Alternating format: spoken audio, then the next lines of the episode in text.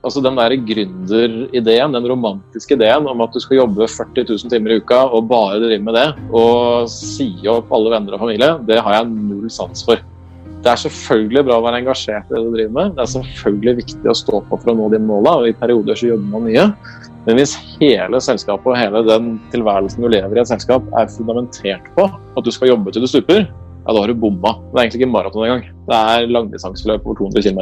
Hvis ikke du da stopper, spiser og pauser og trives med det du gjør, så kommer du aldri i mål. Hva må du egentlig gjøre for å være konkurransedyktig i en tid hvor verden stadig er endring? Du lytter til Næringspodden fra Sparebanken Sør. Her vil du oppleve næringslivet fra innsiden og møte inspirerende mennesker som er med på å utvikle landsdelen vår. Etter hva jeg har lest, er Norge det landet i verden med flest solgte elbiler.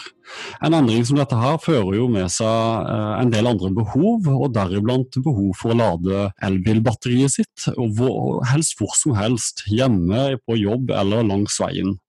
Og En som uh, jobber med å nettopp dekke dette her behovet, er daglig leder i Grønn Kontakt, Ole Henrik Hannesdal. Velkommen til Næringsbåten, Ole Henrik. Tusen takk for det. Du, uh, Til de som ikke kjenner til deg eller hva du driver med til daglig, hva bruker du å si til de? ja, det er et godt spørsmål. Uh, hei, jeg heter Ole Henrik. Jeg er daglig leder i Grønn Kontakt. Vi er en leverandør av ladeløsninger. Det betyr at vi jobber med å få deg hjem når du er på tur. Sørge for at du får hurtigladet når du er på vei til hytta eller bare trenger litt ekstra strøm og påfyll der ute. Uh, mens du handler, mens du spiser, et eller annet sånt. Og I tillegg så kan vi lade bilen din i sameiet ditt, i borettslaget ditt, i garasjen din og de andre stedene hvor du trenger strøm. Så kort oppsummert strøm til bilen din. Hva med deg, da? Nei, Jeg driver denne butikken, og det dreier seg jo i første runde om å prøve å finne ut hva vi skal levere for noe, både i dag og i morgen. Eh, vi er kunde- og datadrevet. Det er vi nødt til å være, fordi vi leverer nye tjenester til nye kunder. Det er veldig vanskelig å spå noe særlig langt fram i tid om nøyaktig hva det er vi skal levere for noe, men utgangspunktet vårt er at vi tar det kundene våre trenger i dag, og prøver å løse de behovene. Samtidig som vi ser litt inn i glasskula når det gjelder utviklinger i energimarkedene i bilbransjen og egentlig på andre relevante markeder, betaling osv. For å se på hvordan vi kan sy sammen gode tjenester som gjør at vi kan gjøre opplevelsen din som elbilist bedre. Mm. Nå har jo jeg vært inne på LinkedIn-profilen din, eh, og, og, som jeg har skjønt så har du jobba ganske lenge med liksom, det grønne skiftet på bilveien spesifikt. Men det å gå i front og endre en uh, bremselsmotoravhengig nasjon som uh, Norge en gang var, er jo kanskje ikke den enkleste veien å gå, ser jeg for meg. Kan du fortelle meg litt om historien om den gangen du fant ut at aha, dette her er det jeg skal bruke tida mi på? uh, det kan jeg gjerne. Det er, egentlig, det er egentlig et veldig godt spørsmål også. fordi uh, det var jo ikke klart for meg da at dette her kom til å bli noe. Men uh, sånn rundt 2009-ish så var jeg en relativt ung og lovende konsulent i en fin dress som surra rundt og jobbet med forskjellige typer oppdrag. Og ble på det tidspunktet spurt om jeg kunne være det som heter manageren for hire, altså komme inn og drive et prosjekt i regi av Energi Norge. Energi Norge er på en måte energibransjens bransjeorganisasjon, en del av NHO. Og Formålet med prosjektet var å få 200 000 ladbare biler på norske veier innen 2020. Og Det høres jo kjempespennende ut. og I 2009 så kunne jeg ingenting om verken bil eller strøm eller politikk eller noen av disse tingene her. Men jeg kunne noen få ting gjort. Så jeg gikk jo inn i dette her med prosjektlederhatt og intensjonen om å prøve å finne ut av hva som skulle til for å komme til det målet om 200 000 i 2020. Og jeg kan jo være så ærlig å si at I 2009 så var det jo ingen som egentlig så for seg at dette skulle gå. 20, altså 200 000 biler framsto som et ekstremt ambisiøst mål. I 2009 så var jo de bilene vi hadde å velge mellom, det var på en måte Buddy og Think. Og ingen av de framsto som spesielt gode massemarkedsalternativer. Men så måtte jeg begynne å prøve å se litt på hva dette her var for noe. Og etter å ha brukt litt tid på å forstå det, så fikk jeg en slags forståelse selv, i hvert fall for at dette her er grunnleggende sett en innmari god idé. Selv om vi i 2009 snakket veldig mye om miljøet som drivkraft her, så er basic i en elbil er at det er egentlig en bedre bil. Hvis du tenker på det fra forbrukerståsted, så har den én utfordring, og det er rekkevidde. Uh, og så hadde den en mellomsiktig, mellomlang utfordring, som var pris, som vi egentlig så at kom til å løse seg over tid. Men gitt rekkeviddeutfordringen løst, eller i hvert fall håndtert, så er det meste andre bedre med en elbil. Den er en enklere bil, den er bedre å kjøre, den er billigere drift, den er mer stillegående. Uh, den er egentlig lettere å produsere og har potensial til å bli billigere enn uh, en, uh, bensin- og dieselbiler. Og drivstoff paradoksalt nok, er egentlig den beste tingen med elbil, fordi du slipper å fylle det. Du kan egentlig lade i garasjen, det er hovedgreia. Der du står parkert over lang tid, og så kan du fylle på litt underveis av og til. Så jeg ble egentlig ganske overbevist om at dette er en god idé, så jeg sa opp som konsulent. Og så startet jeg mitt eget lille selskap og leide ut meg selv som prosjektleder en stund. Før jeg over tid eh, ble litt mer involvert i Grand Kontakt, og har vært daglig leder der siden 2015, seint 2015. Så det er vel sånn kort oppsummert. For, for, i dag, det skal jo sies at uh, Grønn Kontakt er kanskje en av de største aktørene innen ladestasjoner i Norge, stemmer ikke det? Det er vi. Ja. Det er helt korrekt. Uh, men, men, det har jo ikke alltid vært sånn på Grønn Kontakt. og I 2015, når du begynte der, kan du, kan du ikke fortelle meg litt om den historien? eller hvordan dere starta det hele? Ja, altså Grønn Kontakt ble etablert i 2009. Samtidig som jeg kom inn i Energi Norge, så etablerte også Energi Norge en slags hva skal vi si, avregningssentral på vegne av medlemmene sine. For da var intensjonen at her finnes det veldig mange kraftselskap i Norge. Mange av dem blir utfordra på lading og får spørsmål fra sine eiere igjen, altså kommuner, fylkeskommuner og det offentlige, om ikke de kan gjøre et eller annet på lading. Og Istedenfor at hvert kraftselskap, hver bedrift skal finne ut av det selv, så var da intensjonen å sette en slags felles uh, servicesenter i midten i form av grønn kontakt. Men det betydde jo ikke nødvendigvis at selskapet hadde verken en forretningsmodell eller uh, egentlig en slags idé om hva man skal gjøre, utover å fikse lading. Så fra 2009 til egentlig litt utover i 2012-2013 så brukte man ganske mye tid på å finne ut av hva man skulle drive med. Og fra 2012 utover så ble det mer og mer åpenbart at det var hurtiglading som i hvert fall var et av de store beinene. Uten at man hadde helt forretningsmodellen klar. Men da begynte man å bygge ladere, i all hovedsak med offentlig støtte og eller eid av det offentlige. Vår Grønn Kontakt drev egentlig med drift av disse laderne, bygging og drift av dem. Så da jeg kom inn i november 2015 i selskapet, så hadde vi litt over 1000 kunder i Excel. Og da solgte vi vel strengt tatt klippekort. Det betydde at du forhåndsbetalte for ti klipp. Eh, og hver gang du ladet, så satt noen hos oss og krysset av i Excel at du hadde lada en gang. Når du hadde ladet åtte ganger og brukt opp åtte av ti klipp, så sendte vi deg et nytt klippekort og en faktura for ti nye klipp. Og så skrev vi bare liksom ti nye klipp inni Excel, og det var det. Så det var ganske basic. Og her snakker vi da type sende i post, eller var det, var det fysiske transaksjoner? Nei, Vi sendte jo da et eh, det som på godt norsk heter et RFID-kort i posten. Som du kunne bippe på laderen, og så hadde vi et system som da kjente igjen hvem du var. Og så fikk vi det ut i en annen liste.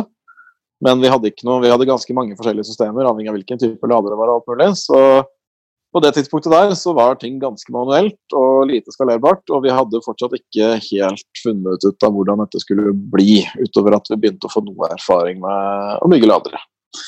Så det har jo vært en uh, ganske heftig vekst i perioden 2015 til nå, uh, hvor vi uh, har ca. 200 000 kunder og gjennomfører en del millioner transaksjoner. Eh, så det å bygge opp den maskinen der har vært en ganske morsom reise å være med på. Hva har det vært det mest spennende med akkurat den reisen? da? Sånn, eh, jeg tenker på, Du, du begynner med et Excel-ark og så tenker du at her det, skal vi vokse, så er vi nødt til å, å automatisere og gjøre ting eh, eh litt mer effektivt. Ja, Den store utfordringen her det er jo at vi driver med noe som ikke har vært gjort før. Uh, og Én ting er å drive med ladetjenester, men vi selger jo ladetjenester til nye elbilister som heller ikke har noe erfaring med det å være elbilist, det å drive med dette her. Hver eneste måned så får vi 4000 kunder gjennom ladesystemet vårt som aldri har lada før. Noen gang. Hvis du hadde kommet inn på bensinstasjon for første gang, så hadde du sannsynligvis vært ganske forvirra. Hva er bensin, hva er diesel, hva er parafin? Hvordan funker dette? her? Hvilken side av pumpa skal jeg parkere på? Hvor er bensinlokket på bilen min? Uh, hvorfor er det så innmari mange sånne pistoler per pumpe? Kan du bruke dem samtidig? Nei, du kan bare bruke én av gangen. Alt dette her er ting som vi lærte fordi vi var der første gangen med foreldrene våre eller noen andre som viste oss hvordan det fungerte. Og når du først kan det, så er det ganske intuitivt. Men for lading så har vi altså 4000 mennesker gjennom systemet hver måned som aldri har gjort det før. Det er ingen der til å vise dem noen ting. Dette her er stasjoner som står på et kjøpesenter, utenfor en Coop-butikk, på en Burger King, altså stort sett da ubetjent. Og hvor kunden selv må finne ut av hvordan det virker. Det er jo ikke veldig vanskelig, men hvis du aldri har gjort noe før, ja, så kan det framstå som ganske komplisert. Så en av de store utfordringene våre det er rett og slett å klare å lage både systemer og brukeropplevelser og stasjoner og instruksjoner og kundeservice og alt mulig rart for å støtte opp under at dette her er et kliss nytt marked med klin nye kunder som aldri har gjort det før. Og så skal vi prøve å gjøre det så enkelt som overhodet mulig, samtidig som vi selv må lære hva som foregår underveis. Voksenopplæring der, altså? Voksenopplæring til kunder, voksenopplæring til oss selv. Eh, også voksenopplæring til våre leverandører, fordi veldig mye av det vi gjør, er bygd av ingeniører og for ingeniører, og i veldig liten grad tilpassa si, moren min. Så for en som jobber i BMW, så er det sannsynligvis helt intuitivt at du er nødt til å lukke venstre fordør når du skal lade en BMW, men det er veldig lite intuitivt for den som eier bilen og ikke skjønner hvorfor bilen ikke lader fordi døra ikke er igjen. Så det er masse små operative utfordringer, men på overordna nivå så jobber vi primært med å sørge for at vi leverer de tjenestene på riktig måte til riktig kunde til riktig sted, samtidig som vi tjener penger. For vi er helt nødt til å være lønnsomme. Dette må skalere kommersielt. Hvis ikke det skalerer kommersielt, så klarer vi aldri å holde tritt med den veksten som er i elbilmarkedet. Så parallelt med å bygge opp hele maskinen, så har vi brukt veldig mye tid på forretningsmodell og det å forstå hvordan vi skal klare å skalere dette her lønnsomt. Og noe av det jeg tror jeg er mest stolt av i den fasen vi har vært igjennom, er at vi har kommet ut til 2020 med en lønnsomhet i hurtigladesatsingen vår. Og det er vi rett og slett ekstremt fornøyd med.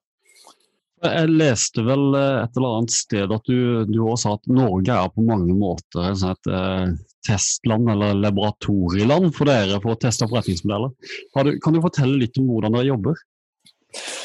Ja, Norge er jo som du var inne på tidlig, tidlig i podkasten her, i introen, så er vi det landet med høyest elbilandel. Altså ikke flest elbiler, eh, men høyest andel elbiler. Men Norge er jo et ekstremt lite marked. Det er rundt 2,3 millioner personbiler i Norge. For å sette det i perspektiv, så selges det rundt 80 millioner personbiler i verden per år. Og Norge er et veldig fint laboratorium. Det er et veldig fint tidligmarked. Det vi har i Norge, det er et kommersielt modent marked for elbiler og lading. Så vi kan bruke dette markedet til å trene, teste, forstå hvordan kundeatferd er, og bruke data vi får av det, til å ta bedre valg i andre markeder etter hvert som de blir modne. Fordi på sikt så gir det seg selv at det å være stor i Norge, det er ikke noen særlig bærekraftig posisjon. Norge er et lite land, så vår superhemmelige strategiplan er egentlig veldig enkel. Én, vi tester Norge og lærer her. To, vi prøver å portere det vi mener at vi har lært i Norge, til et litt større marked. I dette tilfellet her så vil det være Sverige. Eh, veldig kort vei til Sverige. Og Sverige er dobbelt så stort som oss. Det er dobbelt så mange, det er dobbelt så mange biler. Svenskene er dobbelt så velkledde som oss. Det meste er på en måte dobbelt i Sverige. Og så må vi tilpasse det vi lærte i Norge til Sverige. Det er jo ikke sånn at alt er copy-paste. Et helt konkret eksempel på det er at i Norge så har vi en veldig høy grad, en høy andel av privat eierskap i nybilsalget. Det betyr at veldig mange av de som kjøper nybil, er privatpersoner som kjøper bilen selv. I motsetning til Sverige og en del andre europeiske markeder, hvor du har en mye høyere flåteandel, firmabilandel, det betyr at mye mer av nybilsalget går til firmabil- eller flåtesegmentet, og så går det heller brukt til privatpersoner som eier bil selv. Det gjør en god del med vår eh, retail-logikk. I Norge bruker vi f.eks. volumrabatt som en lojalitetsbygger. Vi ønsker at jo mer du lader hos oss, jo billigere skal det bli, sånn at du velger oss. Mens når mange av kundene enten går via et leasingselskap eller firmabil på annet vis, eller flåte, eller er en del av en bilflåte, så fungerer ikke de insentivene der på samme måte. Så vi må lære oss en god del av hvordan vi selger dette og hvordan vi gjør det på nytt når vi er i et nytt marked. Men allikevel er det veldig mye som er likt. F.eks. hva som er en god lokasjon for en hurtiglader, hvordan du skal selge gode løsninger til sameier og borettslag. Alt sånt er relativt likt. Når vi har fått til det, så skal vi ut og klare å bygge oss opp i større volummarkeder, hvor det er der vi vet at slaget står om en stund. Tyskland, England, Frankrike hvor det er mange biler, og hvor vi mener, med det datagrunnlaget og den erfaringen vi har, at vi har godt grunnlag for å lykkes. Så vi er på den reisen allerede. Vi har nå en hovedeier som heter Statkraft. Selv om vi har hovedkontor på Sørlandet, så er vi nå heleid av Statkraft. Og intensjonen med det eierskapet er nettopp å komme videre på denne reisen. Og vi har da sånn sett etablert både Sverige, England og kjøpt to selskaper i Tyskland. Og er midt i det løpet som det heter å konsolidere dette her til ett landselskap og prøve å få mest mulig verdi ut av den kunnskapen vi har med oss fra Norge. Du nevnte jo da eierne. Det er jo ikke hvilken som helst eier dere har i ryggen. Selv om det kanskje er et relativt lite selskap, så har dere en ganske kraftig eier. da skal jeg passe meg litt for, uh, for, hva jeg sier her også. Men det har veldig, det har noen fordeler å ha en stor eier, og så har det noen uh, utfordringer. Vi opptrer jo på mange måter som en slags gründerbedrift, selv om vi på absolutt ingen måte er det, gitt eierstrukturen vår. Men samtidig er spiriten av Grønn kontakt det er litt sånn at vi er jo midt i et utviklingsløp med ganske korte og små og kjappe iterasjoner. Og da har vi i ganske stor grad en sånn can do-holdning, hvor det dreier seg om å prøve å løse de problemene som er foran oss. Og det må vi bare finne ut av, for sånn er det bare. Samtidig så har vi jo en eier som er ekstremt langsiktig. Eh, kraftbransjen er jo generelt vant til å se ting over ganske lange linjer. De er også ganske godt vant til å investere i assets som over tid skal generere avkastning. Sånn sett er hurtigladere, som er et ganske kapitalintensivt produkt, eh, sånn sett en god match for kraftbransjen. Det de kanskje ikke er fullt så gode på, er kunder og marked og retail-forståelse. Så vi prøver på en måte å få det beste ut av eieren vår, samtidig som vi også er klar over at vi som selskap er nødt til å være spydspissen på den kommersielle delen av dette her, for det er ikke nødvendigvis det Statkraft er best på. Og Hvis vi klarer den balansegangen der og henter ut det eierne våre er gode på, som er langsiktighet og strategi, kraftmarkedsintegrasjon og ikke minst kapitalbase, så har vi en kjempegod og solid plattform for å satse og kunne levere på lading også utover i større markeder, som vil kreve mer av oss. Så det gjenstår å se om vi får til det, men PT er ganske optimistisk. Ja, og du, du, jo, du, var jo inne på det nå, egentlig, men uh, nettopp det at dere, er, uh, dere har jo beina innenfor tre forskjellige bransjer, egentlig. Uh, retail, bilbransjen og strømbransjen. hvordan navigerer du deg i sånn et marked da? Jeg hadde en uh, salgssjef en gang i tida, en tidligere jobb, som pleide å si at du kan selge nye produkter til eksisterende kunder. Eller så kan du sende, selge eksisterende produkter til nye kunder, men prøv for all del å unngå å selge nye produkter til nye kunder. Uh, der har vi feila ganske spektakulært. Og problemet der blir jo ikke mindre av at produktene våre er nye og kundene våre er nye. I tillegg til det så er det som du sier, krysningen mellom kraftbransjen og bilbransjen og i og for seg også retail-bransjen. For vi jobber jo tett med våre lokasjonspartnere, som f.eks. da er Coop på dagligvare, Olav Thon på kjøpesenter og Burger King på mat, for å prøve å integrere dette her med dem. Og sånn sett er vi i samme båt som dem på ganske mange områder. Når vi bygger en hurtigladestasjon, så tar vi alle pengene våre og graver ned bakken der. Og så skal vi prøve å få dem igjen bit for bit over mange år ved at uh, kunder betaler for å bruke dem. Men hvis vi har bygd dem på feil sted, så kan vi ikke gjøre noe med det. Pengene er gravd ned. Så veldig mye av det vi må treffe på, er å bygge ladere på rett sted i egentlig et 10-15 års perspektiv. Og Det betyr at vi også har et ganske nært forhold til hvordan det vil gå med de bransjene vi da jobber sammen med på lokasjoner, over den samme perioden. Så det er ekstremt mange variabler. Det er veldig veldig vanskelig å lage lange forecasts med god treffsikkerhet her. Og Det gjør igjen at vi jobber kunde- og datadrevet med det som er rett foran oss. Løser de kundebehovene som er i dag, basert på de dataene vi har i dag. Og så må vi samtidig ha en generell idé om hvor vi skal. Og De tre områdene vi er inne i, det er jo som jeg nevnte kraftbransjen og retail og bil.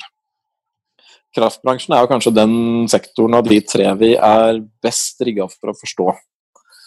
Og kraftbransjen er i Der skjer det ekstremt mye eh, som egentlig har pågått over de siste ti åra, men som akselererer nå. Og På overskriftsnivå så dreier det seg om at hele systemet går fra å være etterspørselsdrevet til å være tilbudsdrevet. Hva betyr det? Jo, i gamle dager så tok du kraftbransjen og så tok kraftbransjen og startet med å forutse hva behovet for kraft ville være. De så på vær, de så på industriproduksjon og en del sånne ting, og så forecastet man time for time, uke for uke, måned for annet hva behovet for strøm ville være, og så tilpasset man produksjonen etter det. Og I Norge, med et vannkraftbasert system, et dambasert vannkraftsystem, så er det relativt enkelt, for vi har svære batterier på fjellet. Det er masse vann bak en demning. Og når vi skal lage strøm, så bare skrur vi på en kran, og vips, så har vi strøm. Så for Statkraft, som er vant til å drive den type kraftsystem, er dette veldig basic. Det er egentlig bare Snakk om hydrologi, finne ut hvor mye vann du har, og når, når, du skal produsere det vannet om til strøm for å få mest mulig ut av det, og passe på å treffe i markedet med det som er uh, behovet der ute. Så har det jo skjedd veldig mye på fornybarfronten. Man har fått inn mye vindkraft, mye solceller. Og problemet med de type produksjonene er at de er såkalt uregulerbare. Når det blåser, så blåser det, og når det er sol, så er det sol. Og Det betyr at du får et helt kraftsystem som går fra å være drevet av etterspørsel til i større og større grad være styrt av tilbud. Det betyr at du må starte med å se hvor mye produksjon du har en gitt time, og så må du prøve å tilpasse deler av forbruket etter det. Så hvis det blåser veldig mye, så vil strømprisen falle, og så vil det være gunstig å bruke strøm i de timene, mens når det er vindstille og overskya, så vil kanskje prisen gå opp. Og ikke minst når det er kaldt på vinteren eller veldig varmt på sommeren. Det trengs mye aircondition i Europa. Det skaper et behov for fleksibelt forbruk, og det er igjen noe som treffer elbilister de luxe. Fordi en elbil er en ekstremt fleksibel forbruker av strøm. Du skal lade bilen i løpet av natta, men akkurat når på natta du gjør det, det kan du i veldig stor grad styre. Så en av de tingene vi vet kommer til å bli veldig viktig i de årene som kommer, ikke nødvendigvis så mye i Norge, men kanskje enda mer i Europa, det er smart styring av fleksible forbrukskilder for å treffe de timene i døgnet hvor det er overproduksjon og dermed billig strøm. Og hvis du lykkes med det, så har du et kjempefortrinn som du kan bruke til å lade bilen din billigere, og i tillegg tilby ganske smarte balansetjenester inn mot energisystemet. Dette er noe som kundene våre overhodet ikke etterspør i dag, eh, men vi vet at dette kommer. Så når vi leverer ladeløsninger i dag, så prøver vi allerede nå å rigge det for den type styringslogikk som gjør at vi er tilpassa en fremtid og kan levere de tjenestene som vi tror trengs i den framtida der til sluttkundene når det måtte komme. Så vi gjør tilsvarende tilpasninger i de andre markedene nå. Det er en del ting vi tror på, og så er det noen ting vi vet med ganske stor grad av sikkerhet skjer, og så er det andre ting vi er usikre på. Og så prøver vi til enhver tid å ta best mulige beslutninger i funksjon av hva vi tror på i å si, den trekanten mellom kraft, bil og retail. Du, du, nevnte her eh, litt i forkant av eh, podkasten, eh, eller denne innspillinga her, om nettopp forskjellene på retail, bilbransjen og strømbransjen. Hvor, hvor strømbransjen har vært innom røffe tider. og du, du, kan kanskje fortsette litt på den det du sa den gangen der? Jeg er jo ikke en mann av få ord, så det er litt sånn greit å ta en pustepause innimellom og la deg få slippe til med et spørsmål. Uh, men, uh, men uh, for å dra den en takk lenger, da. Kraftbransjen har jo som en følge av, den, og det skiftet fra et etterspørseldrevet system til et mer og mer tilbudsstyrt system, så har det vært gjennom et blodbad. Hvis du ser på aksjekursen til to-tre av de største europeiske kraftselskapene, type E.ON, RVE, fra 2010 og til nå. Dette er selskaper som er ja, de har mange millioner sluttkunder og drifter ekstremt mange, særlig kullkraft- og gasskraftverk. Markedsverdien av de selskapene har falt med rundt 80% og Det skyldes at ekstremt, stor, eh, ekstremt mye av verdsettelsen av slike selskaper er knytta i balansen deres, knytta opp til de kraftverkene de har i porteføljen, og forventa framtidig verdi av det. Og I et system hvor kraftpris og fleksibilitet prises helt annerledes, så er plutselig et kullkraftverk ekstremt mye mindre verdt enn det var før. Sett over en framtidsperiode. Og den reisen der har kraftbransjen vært på en god stund. Særlig nedover i Europa, særlig blant de selskapene som driver i kull og gass. Eh, og vi ser ikke noen grunn til at det kommer til å bli mindre, eller at det der kommer tilbake. Tvert imot så har kraftsystemet fundamentalt endra seg. Og vi tror at bilbransjen er på vei inn i akkurat det samme paradigmeskiftet.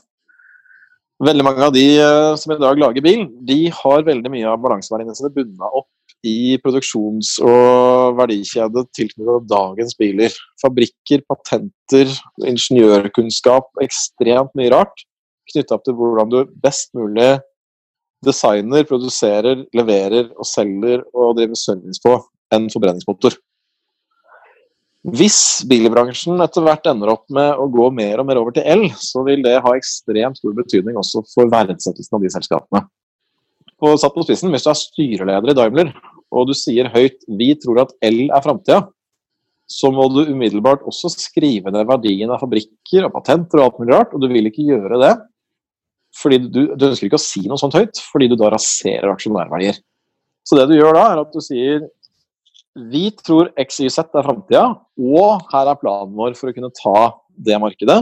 Og PS, parallelt med dette, så skal vi også klare å leve av det vi allerede har i eh, porteføljen vår. De kjente produktene kan vi leve av å selge, og med det finansiere utviklingen av nye produkter som gjør at vi klarer dette skiftet. Men nå er jo ikke verden full av store selskaper med stor grad av balansebinding opp mot eksisterende verdikjede som har klart det skiftet. Det klassiske er jo Kodak, eh, som ikke klarte omstillingen fra analog til digital på film eh, og bildetagning. Men vi ser jo at bilbransjen, i hvert fall deler av bilbransjen, er i, eh, litt på samme vei. Det er ekstremt spennende å se på, fordi noen er mye fremoverlent enn andre. Volkswagen Autogroup er et system som har en omsetning rundt regna to ganger det norske statsbudsjettet. Dette er enorme system. De tar nå et kjempesvært bett på elbil, og det bettet er såpass stort at hvis de bommer, så kommer det til å gjøre ordentlig vondt, og den fasiten får du rundt 2023-2024. Samtidig har du andre selskap i samme størrelsesorden, eksempelvis Toyota, som ikke ser det sånn. Og Fra mitt ståsted så kan ikke begge ha rett, noen kommer til å ta feil.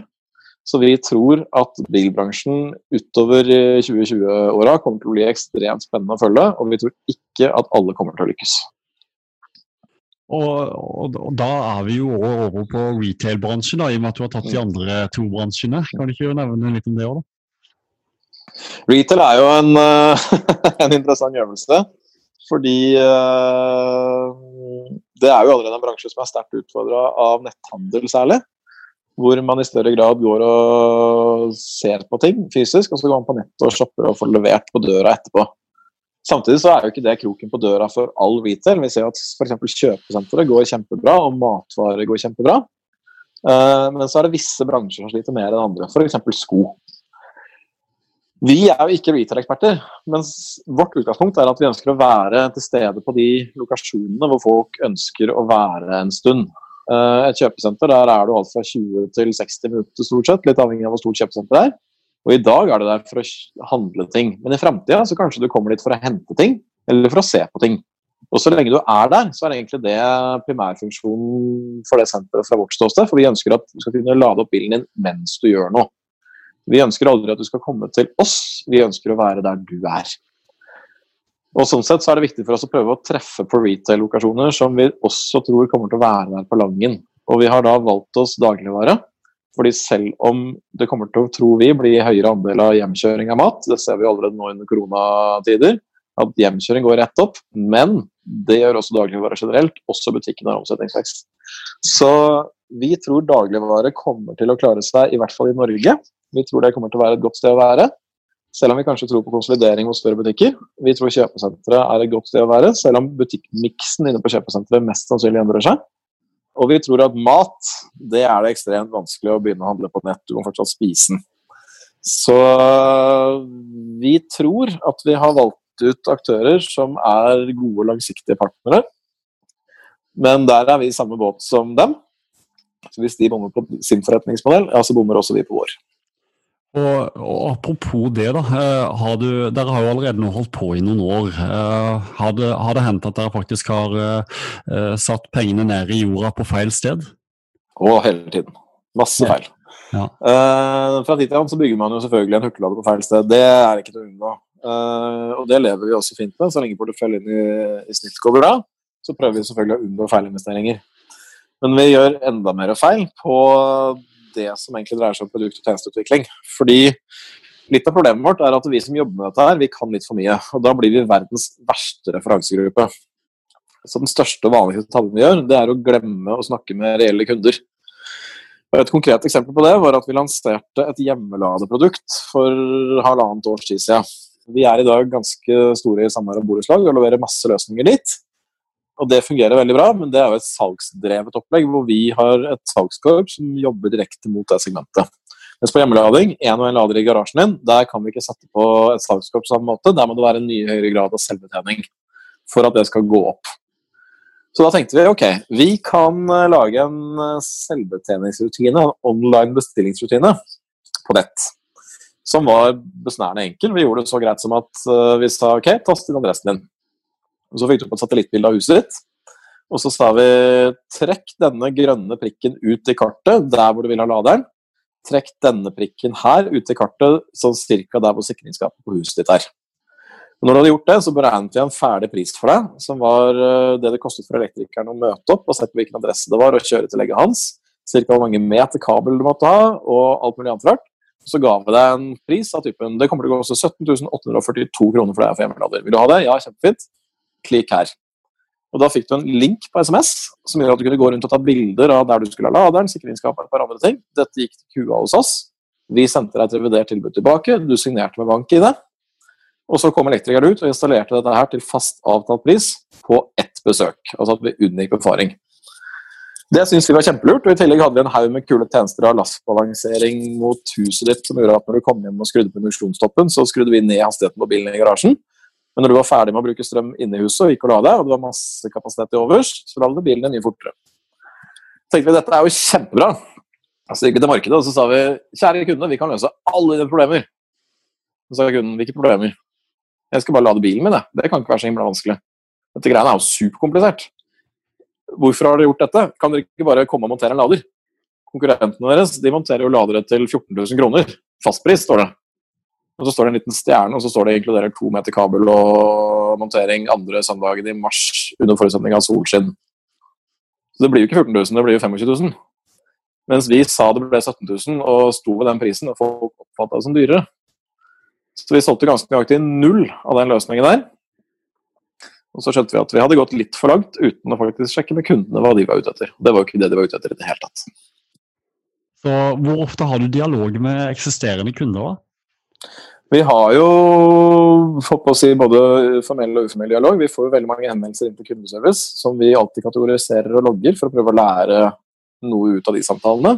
Man ringer jo inn med et problem, og så må vi finne ut av hva det problemet er, løse det problemet. Og så må vi se etter systematiske sammenhenger i problemer som gjør at vi kan fjerne roteårsaken i dem, framfor å sitte og løse ett og ett problem. Og I de dialogene der så får vi også en del verdifull kundefeedback av typen 'hvorfor kan dere ikke bare gjøre sånn og sånn'? Og så prøver vi å ta det med oss for å løse de konkrete problemene. Det er ikke alltid vi kan det. Et vanlig spørsmål vi får, er jo hvorfor kan vi ikke betale med bankkort på laderne? Og det er det en veldig god grunn til. Vi skulle forferdelig gjerne ønske vi kunne det, men av uh, flere årsaker så er det ikke rett fram å få til det, så vi har PT ikke den løsningen. Og så har vi også mer konkrete kundeundersøkelser, fokusgrupper etc. Uh, nå er vi f.eks. midt i utviklingen av ny app og til det så bruker jo kunder og fokusgrupper og intervjuer, kundeintervjuer ganske aktivt. Mm. Så det varierer jo litt i forhold til hva vi gjør. Mm. Du, øh, Vi var jo også inne på nettopp det med forretningsmodeller, og du nevnte at eh, det å selge nye produkter til nye kunder er jo, byr jo på litt utfordringer. Uh, og Siden du begynte, uh, eller siden selskapet begynte, da, hva, hvordan har forretningsmodellen deres endra seg? Fundamentalt sett så har den ikke nødvendigvis endra seg så veldig. Vi har jo to bein å stå på i dag. Det ene er hurtiglading, hvor basicen er at vi investerer i noe, altså tar alle pengene våre og graver ned i bakken. Eh, sånn sett er det ganske kapitalintensivt. intensivt. og så får vi betalt etterpå. Og den forretningsmodellen er egentlig ganske grunnleggende, hvor du er tilbake på en slags average revenue per unit, altså RPU-logikk. Det det dreier seg om da, er egentlig hvor mye bruk får vi på en gitt lader. Og det er egentlig det som driver lønnsomheten. Den største endringen der er egentlig finansieringsstrukturen, og det er jo litt av bakgrunnen for at vi to snakker sammen nå. Fordi vi startet jo med å bruke egentlig egenkapital til å bygge ladere. Og så fant vi etter hvert ut at det ikke nødvendigvis var innertier. Eh, og så begynte vi å se på mulighetene for å få til en, leasing, leasingløsning på dette utstyret. Og har jo etter hvert fått et veldig godt samarbeid med f.eks. dere på det. Som gjør at vi i dag kan bruke leasing som finansiering på laderne. Som igjen gir oss en helt annen mulighet til å skalere. Og uh, også en På den siden der har vi hele tuna forretningsmodeller og parametere i det, snarere enn å endre den. Mm. Der hvor vi kanskje driver med mest forretningsutvikling, er jo på det andre segmentet vi står på, vårt andre bein, som er å selge ladeløsninger til forskjellige segmenter. Og som jeg nevnte i stad, så jobber vi i dag primært med samme borettslag. Der har vi skjønt den modellen ganske godt. Og så er det andre segmenter der ute hvor vi til enhver tid er nødt til å finne på nye modeller. Eksempelvis parkeringshus. Hvor vi er nødt til å integrere oss med skiltgjenkjenningssystem og parkeringsoperatører for å klare å lage noe som framstår som en helhetlig kundereise for sluttkunden. Du vil jo ikke først kjøre ned et P-hus og betale for parkering, og så skal du gjøre noe helt annet for lading midt inne der. Du vil jo helst at dette her skal henge sammen og være så sømløst som mulig. Så der har vi en helt annen forretningsmodell. Vi har også andre forretningsmodeller på Sånne ting som f.eks. For forhandlerbasert salg. Hvis vi skulle ha drevet i privatsegmentet, som vi gjerne vil, så ser vi at vi må ha en helt annen forretningsmodell der enn den selgerbaserte forretningsmodellen og den tjenestesalgslogikken vi har mot sameiende borettslag. Så det er et mye mindre modent marked, hvor vi fortsatt må bruke veldig mye tid på å forstå kundesegmenter, forstå verdikjeder, forstå lønnsomheten og rigge oss etter det. Og, og, sånn som jeg har skjønt det, og sånn som jeg har skjønt det nå, Ole Henrik, så er det jo litt sånn at dere, måten i hvert fall de hurtigladerne fungerer på, så tjener dere penger på eh, antall minutter lading. Uh, og sånn som jeg har forstått, så, så, er det jo sånn at Tesla, uh, som er, er på en måte en konkurrerende uh, hurtigladerstasjon, de har en litt annen forretningsmodell hvor målet deres er å selge flere biler med sine ladestasjoner. Er du enig i den påstanden? Ja, i all hovedsak så er jeg det. Tesla har en finansieringsmodell for ladenettverket sitt hvor de setter av en viss sum penger per bil de har solgt til å finansiere lading. Så de har bakt inn finansiering av ladeinfrastrukturen i marginbildet på selve bilen de selger. Noe som er ekstremt klokt internt i Tesla, fordi det gir dem en autofinansiering etter hvert som de selger flere biler, så får de også mer penger til lading. Men lading er jo ikke en forretnings... Altså det, det, er et kostsenter for Tesla, isolert sett. Det er ikke noe de skal tjene penger på. Men det er heller ikke noe problem for oss. Vi oppfatter ikke egentlig at vi konkurrerer direkte med Teslas ladenettverk. Uh, vi får ganske mye Tesla-ladere inn i vårt nett, eller Tesla-biler inn i vårt nett òg.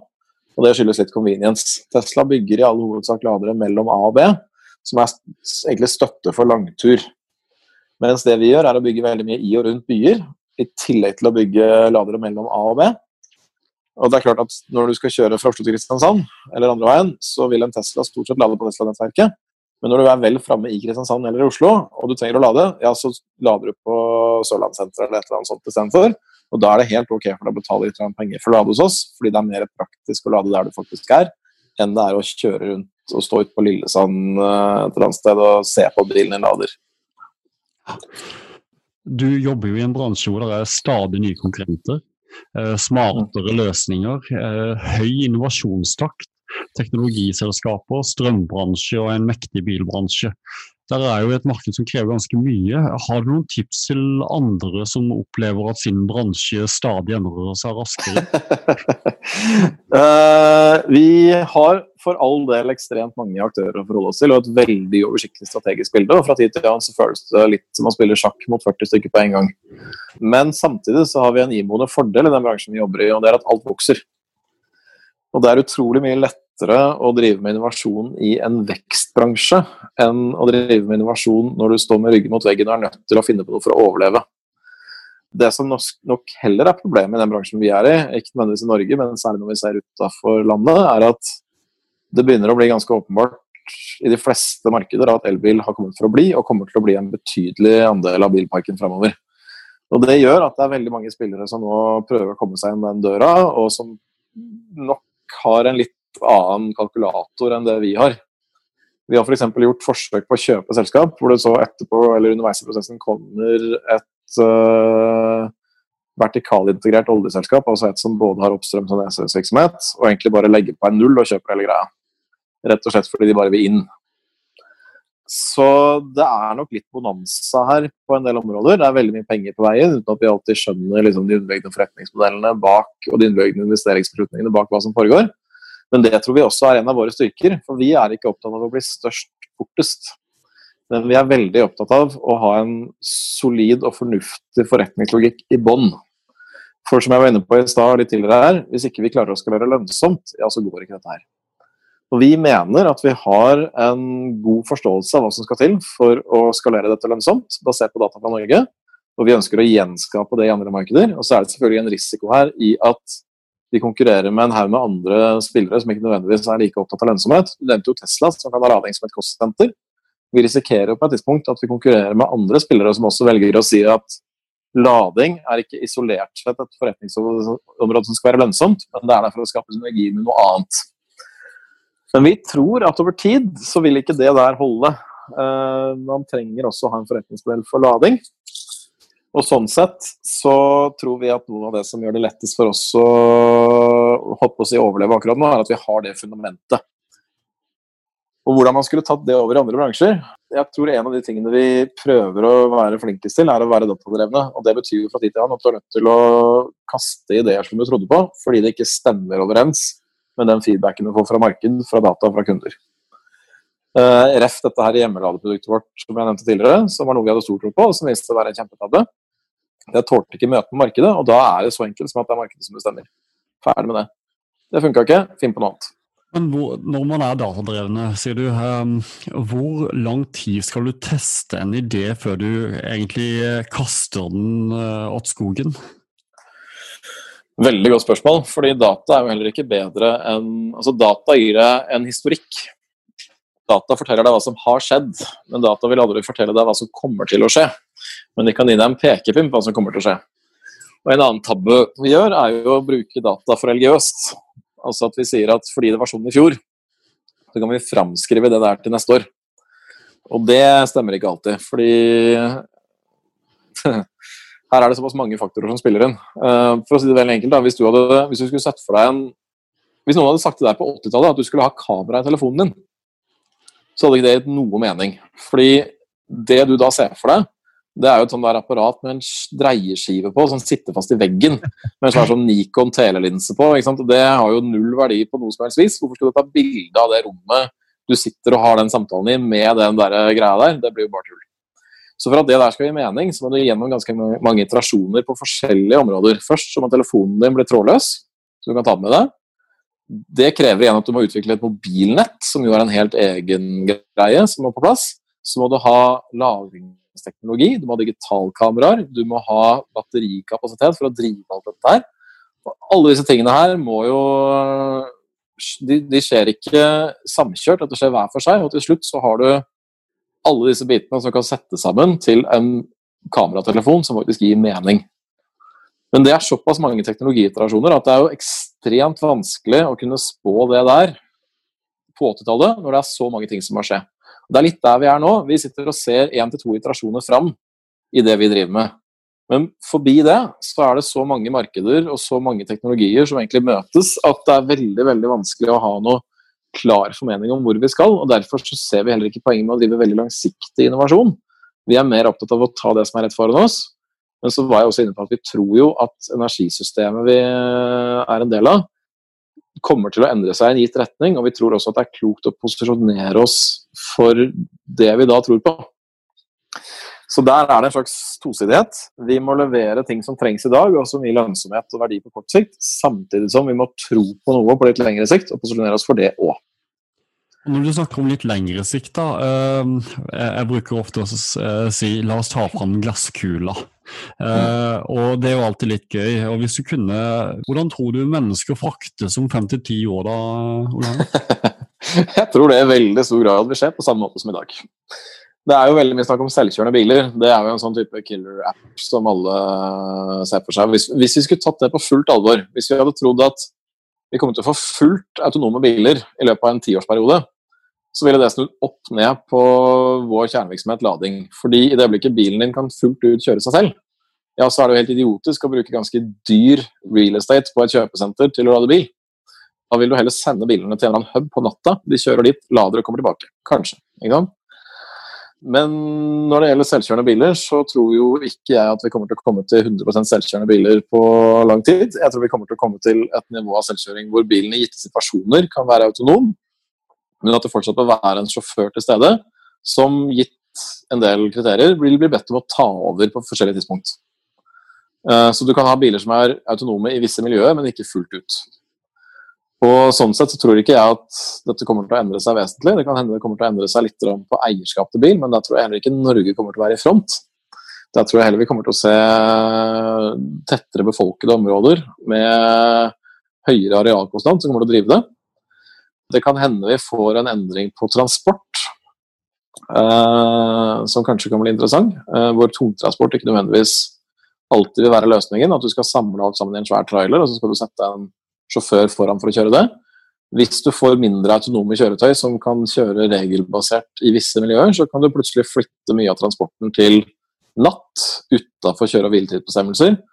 I mindre egentlig mindre kjøretøy som kan gå direkte mellom A og B, framfor å gå via en svær omlastingsterminal.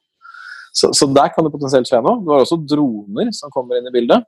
Det er ekstremt mye lettere å lage autonome droner enn å lage autonome biler. Rett og slett fordi regelsystemet i lufta er ufattelig mye enklere å forholde seg til enn på bakken. Det er mye mindre knot i lufta, og alt det som er der oppe, det er regulert. Så det kan godt hende at det som er bakkebasert, kommer til å ha en eller annen kjøttlomp bak rattet i lang tid, mens det som skal være autonomt, etter hvert går i luft. Så det er ekstremt vanskelig å spå. Men øh, jeg tror at dette kommer til å gå litt saktere enn mange andre tror. Jeg tror vi kommer til å eie og kjøre bil om fem til ti år også, i stor grad. Og så kan det godt hende at vi i første runde får en større revolusjon på pakkedistribusjon enn vi får på persontransport. Og så kommer kanskje persontransport litt lenger ned i gata. Så tror du dere itererer dere mot uh, dronebasert lading? Uh, jeg ble spurt om å komme på en dronekonferanse og fortelle om lading. og Da sa jeg at jeg vet ingenting om lading av droner. Og da sa han som arrangerte konferansen det er helt fint, det gjør ingen andre heller. Så uh, det var egentlig ganske nyttig, fordi jeg lærte det er en av de få konferansene hvor jeg har lært mer underveis i foredraget jeg har holdt, enn det jeg, stilte, enn det jeg bidro med av kunnskap. Altså, droner er jo alt fra sånne små, søte, bitte små greier til svære saker som krysser Atlanteren. Og sånn sett så er det Det er ekstremt mange use caser pluss en del nye. Uh, og det er en sektor jeg har veldig liten oversikt over, og som jeg tror det er vanskelig å spå hvor skal. Der er det også veldig mye hype akkurat nå, men jeg tror at fundamentalt sett så ligger det noe i dronekonseptet som er uh, svært verdifullt, ikke minst på pakkedistribusjon på ulike nivåer. Nøyaktig hvordan det blir, har ikke peiling. Lading av dem, ikke så veldig vanskelig egentlig, for de lander på tak og andre steder. Og da kan du ha induksjonslading når de står der og laster om, f.eks. Eller du kan bare plugge dem på en eller annen liten kontakt. Så det tror jeg ikke er så veldig vanskelig. Du, eh, vi begynner, jo, eh, vi begynner jo å gå litt ut på tid her nå, eh, Ole Henrik. Men det jeg tenkte bare ville stille et kjapt, eller noen kjappe spørsmål til. Om du skulle ha gjort det hele på nytt igjen, la oss si at du skulle ha starta karrieren din på nytt igjen, er det noe du ville ha gjort annerledes, basert på den kunnskapen du har i dag? Mm. Det er alltid et morsomt spørsmål, fordi man ser jo alltid en haug med ting etterpå som man burde ha gjort gitt den kunnskapen man har etterpå. Men det er å jukse, fordi du har jo ikke den når du skal begynne. Men hvis jeg skulle gjort det en gang til med den kunnskapen jeg hadde da, så tror jeg at jeg skulle vært litt tøffere på Jeg skulle vært litt mer aggressiv. Um, da jeg begynte i 2009 og skulle lage en prognose om 200 000 ladbare biler i 2020, så lagde vi det som en hockeystikk. Ladbare biler inkluderer jo både elbiler og plug-in-hybrider.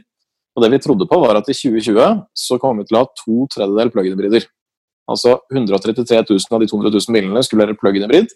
Og så skulle rundt 66 000 være rene elbiler i 2020.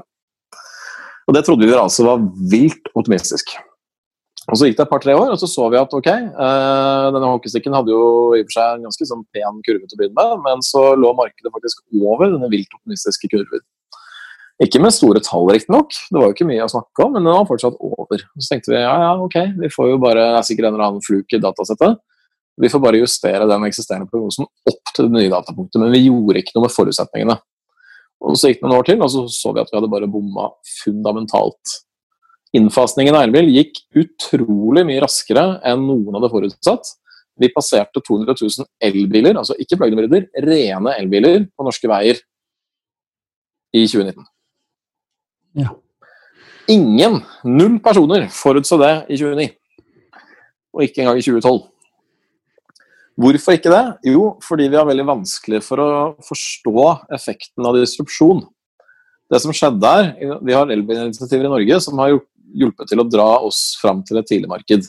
Men det de insentivene egentlig gjør, det er at de endrer prispariteten mellom fossilbil og elbil. Vi reduserer egentlig bare forskjellen i pris mellom bensin og elbil, i all hovedsak.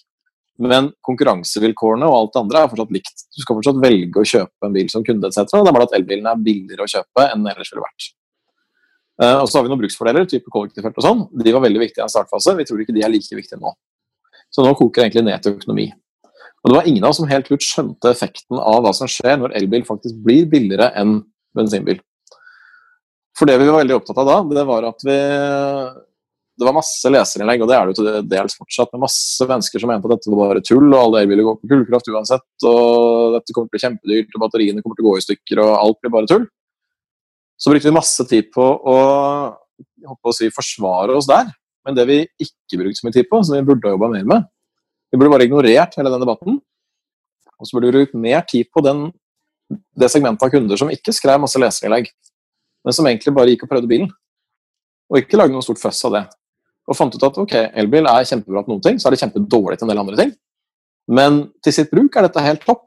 Det er ikke noe sånn at én bil passer alle. Men elbil begynner å få flere og flere bruksområder hvor de har et fortrinn overfor andre biler. Og det begynner også kunder å se. Og så får du en fornøyd kunde som så går og spiser middag hos naboen, forteller naboen dette, naboen går og prøver bil, og så får du en sånn snøballeffekt derfra. Parallelt med at du har en debatt i media som egentlig er helt frikobla fra de greiene der. Så vi burde brukt mye mer tid på å serve de første kundene. Vi burde brukt mindre tid på å krangle i media. Og vi burde vært mye mer aggressive og forstått fullt ut konsekvensen av at vi faktisk var i et tippingpunktscenario, ikke en sånn gradvis vekst. Mm. Og Det prøver vi å gjenbruke når vi nå ser på andre land i Europa hvor vi skal inn. Vi tror f.eks. at veksttakten i Sverige kommer til å være mye brattere enn i Norge på elbil.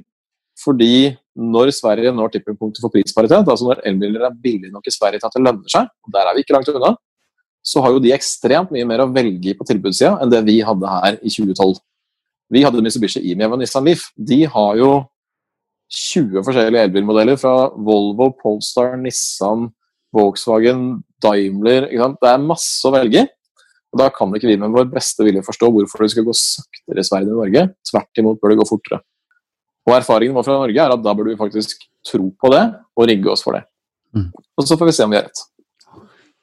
Men eh, om eh, det er andre lyttere som ønsker å satse i ukjent terreng, som jeg vil påstå å si at du har gjort eh, når du begynte karrieren din i Grønn kontakt, kanskje innenfor eh, ja, fornybare teknologier, eh, har du noe tips til dem? Det absolutt viktigste er å passe på at du faktisk har kunder. Eh, du kan ha verdens beste idé, du kan være supergod på teknologi, du kan ha genial forståelse av kraftsystemer og andre domener som er viktige. Men etter en av det der, hvis ikke du får noen til å kjøpe produktet ditt og betale for det, så har du ingenting. Så det å faktisk gå til kunder og snakke med dem, det er kjempeviktig. Og ikke vent for lenge med det. Og test heller noe som er uferdig i markedet, enn å sitte og tulle rundt på skrivebordet ditt i fem år og så vente, og bygge verdens mest perfekte produkt, og så gå til markedet med det og oppdage at ingen egentlig trenger det.